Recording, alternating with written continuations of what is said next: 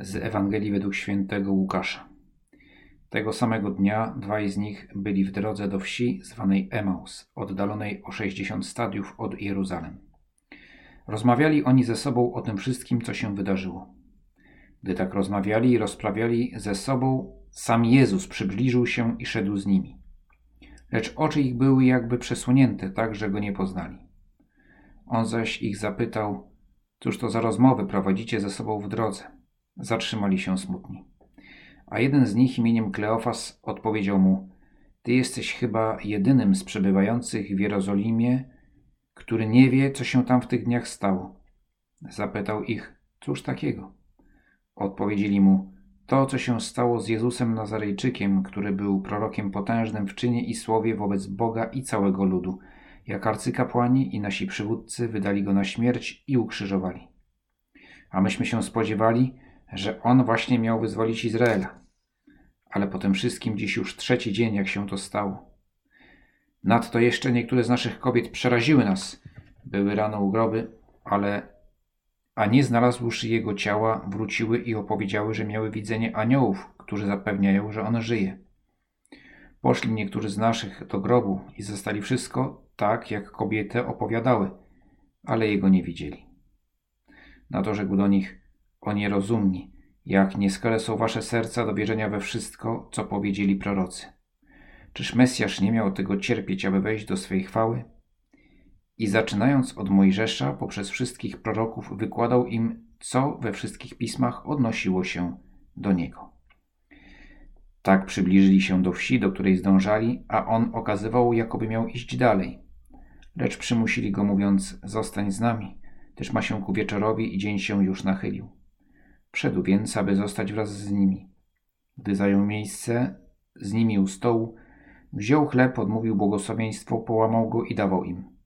Wtedy otworzyły się im oczy i poznali go, lecz on zniknął im z oczu.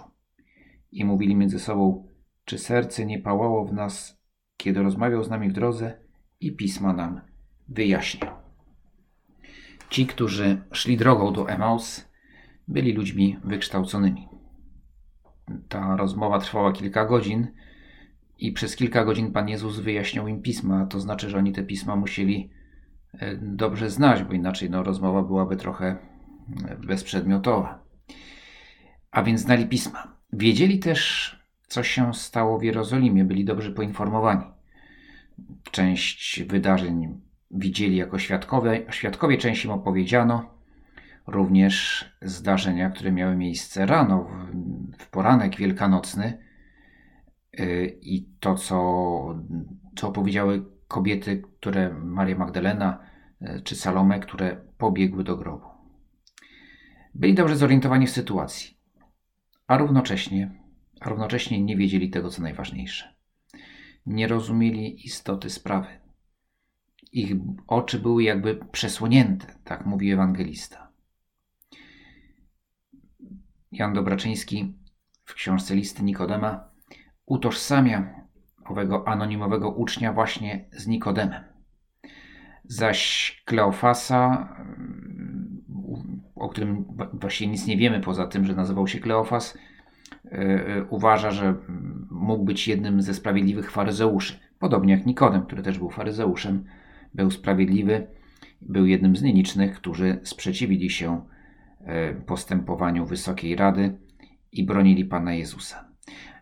A więc jako faryzeusze i uczeni w piśmie znali się na, na sprawie. Ta z Nikodemem to jest oczywiście teoria, ale dużo bardziej prawdopodobna niż to, co śpiewamy w tej pięknej pieśni wielkanocnej. Łukasz z Kleofasem, obaj jednym czasem szli do miasteczka Emaus. Pieśń jest bardzo piękna, ale jeśli chodzi o fakty historyczne, no to nieprawdziwa, ponieważ to jest niemożliwe, żeby Łukasz był na tej drodze. Ale, więc pra prawdopodobnie był to jakiś, jakiś uczony w piśmie. I zna, zna, znali się na sprawie, znali się na rzeczy. Ponadto, jeśli był to Nikodem, to też miał też doświadczenie życiowe. Y, a mimo to nie widzą. Tacy intelektualiści, którzy wszystko są w stanie mm, głęboko przeanalizować, ale nie są w stanie wydobyć istotę rzeczy i zrozumieć, a następnie postępować według tego, co pojęli, co zrozumieli. I dlatego Pan Jezus tak mocno do nich mówi: O nierozumni, o głupi. Musiało być w jego głosie coś takiego, że oni się nie obrazili, ale tym bardziej chcieli, żeby do nich mówił, żeby im wyjaśniał pisma, żeby dał im nadzieję. I przyjmują wszystko, co mówi. Także nie tylko się nie obrażają, ale jeszcze chcą, aby mówił dalej. Znaczy, że y, przyjęli to, co on, to, co on y, im przekazuje. I dzisiaj też może, też może się nam wydawać, że wiemy bardzo dużo i równocześnie często nic nie rozumiemy. Takie wrażenie można odnieść śledząc informacje o, o epidemii. Mnóstwo danych, reportaże, analizy. Jeden profesor mówi to, a inny wirusolog mówi to, a, a jeszcze jakiś jasnowic nie wiadomo skąd mówi, że będzie to czy tamto. No, rzeczy od, od wypowiedzi poważnych po jakieś kompletne nonsensy a często nie możemy odróżnić, co jest, e, co jest e, rzeczową analizą, co jest nonsensem, co jest szukaniem sensacji, a co informacją bezwartościową, ale dobrze się sprzedającą. I może, i może warto, warto wziąć dystans do tego i poświęcać tylko niezbędne minimum na śledzenie informacji o, o epidemii bo jedyny efekt z tego może być lęk i dezorientacja. I nie posuniemy ani o krok e, walki z, z, z epidemią. E, natomiast, owszem, sami możemy ogarnięci niepokojem ten niepokój przekazywać innym, a to jest bardzo szkodliwe. E, a równocześnie możemy w tym natłoku informacji zapomnieć o najważniejszym pytaniu: co ta sytuacja oznacza dla mnie? Co się zmienia, albo co powinno się zmienić w moim życiu, w relacji z Bogiem, w relacji z bliźnimi, bo wszelkie tego typu zdarzenia, czy to na skalę społeczną, międzynarodową, czy na skalę osobistą, Bóg do nas mówi.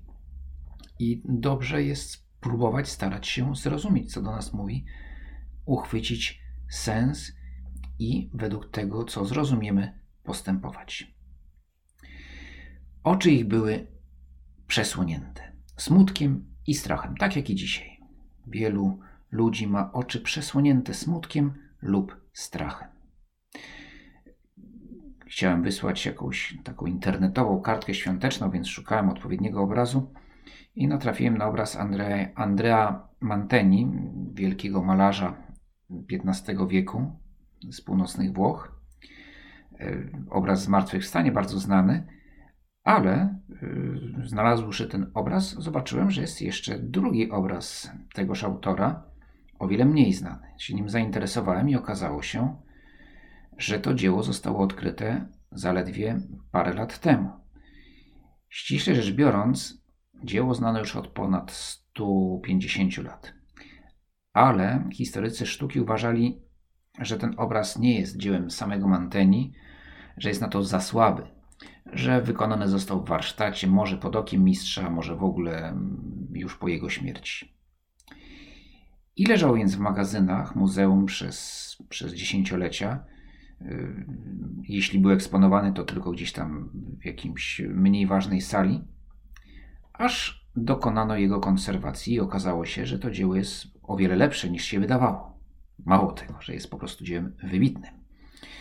E, no i zrodziło się podejrzenie, a może to jednak namalował sam Mantenie i rzeczywiście kilka szczegółów tego obrazu wskazało no, niemal, można powiedzieć, z całą pewnością, że właśnie ów wielki mistrz jest autorem tego dzieła.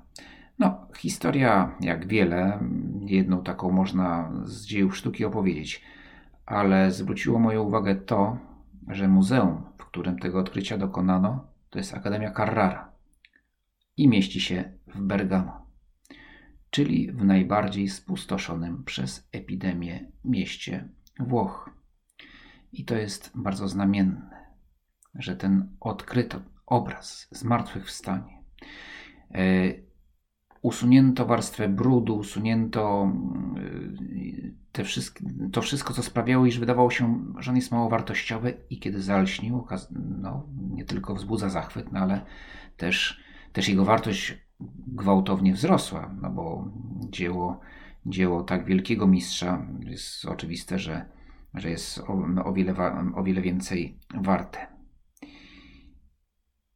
I, I tak często nie widzimy zmartwychwstałego Pana Jezusa. Jeśli ogarnie nas lęk, jeśli uparcie trzymamy się swoich teorii, jak ważne jest, żebyśmy się z tych lęków i z tych teorii nie tyle wyzwolili, bo sami może trudno jest nam się wyzwolić, ale żebyśmy zaufali Bogu, aby On nas z tego wyzwolił.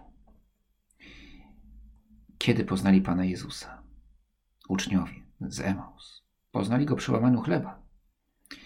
Y, jest dość powszechne przekonanie, że to można utożsam, uznać, że to, to, co tam się stało, ten, to łamanie chleba, że to była że to była Eucharystia, że Pan Jezus sprawuje mszę i daje uczniom e, ten chleb, który jest Jego, jego ciałem.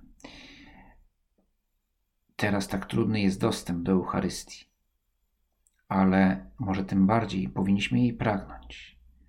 A kiedy będziemy jej pragnąć, pragnąć z wiarą ciała Pana Jezusa, Jego samego, wtedy też otworzą nam się oczy i Pan Jezus odpowie na nasze pragnienia.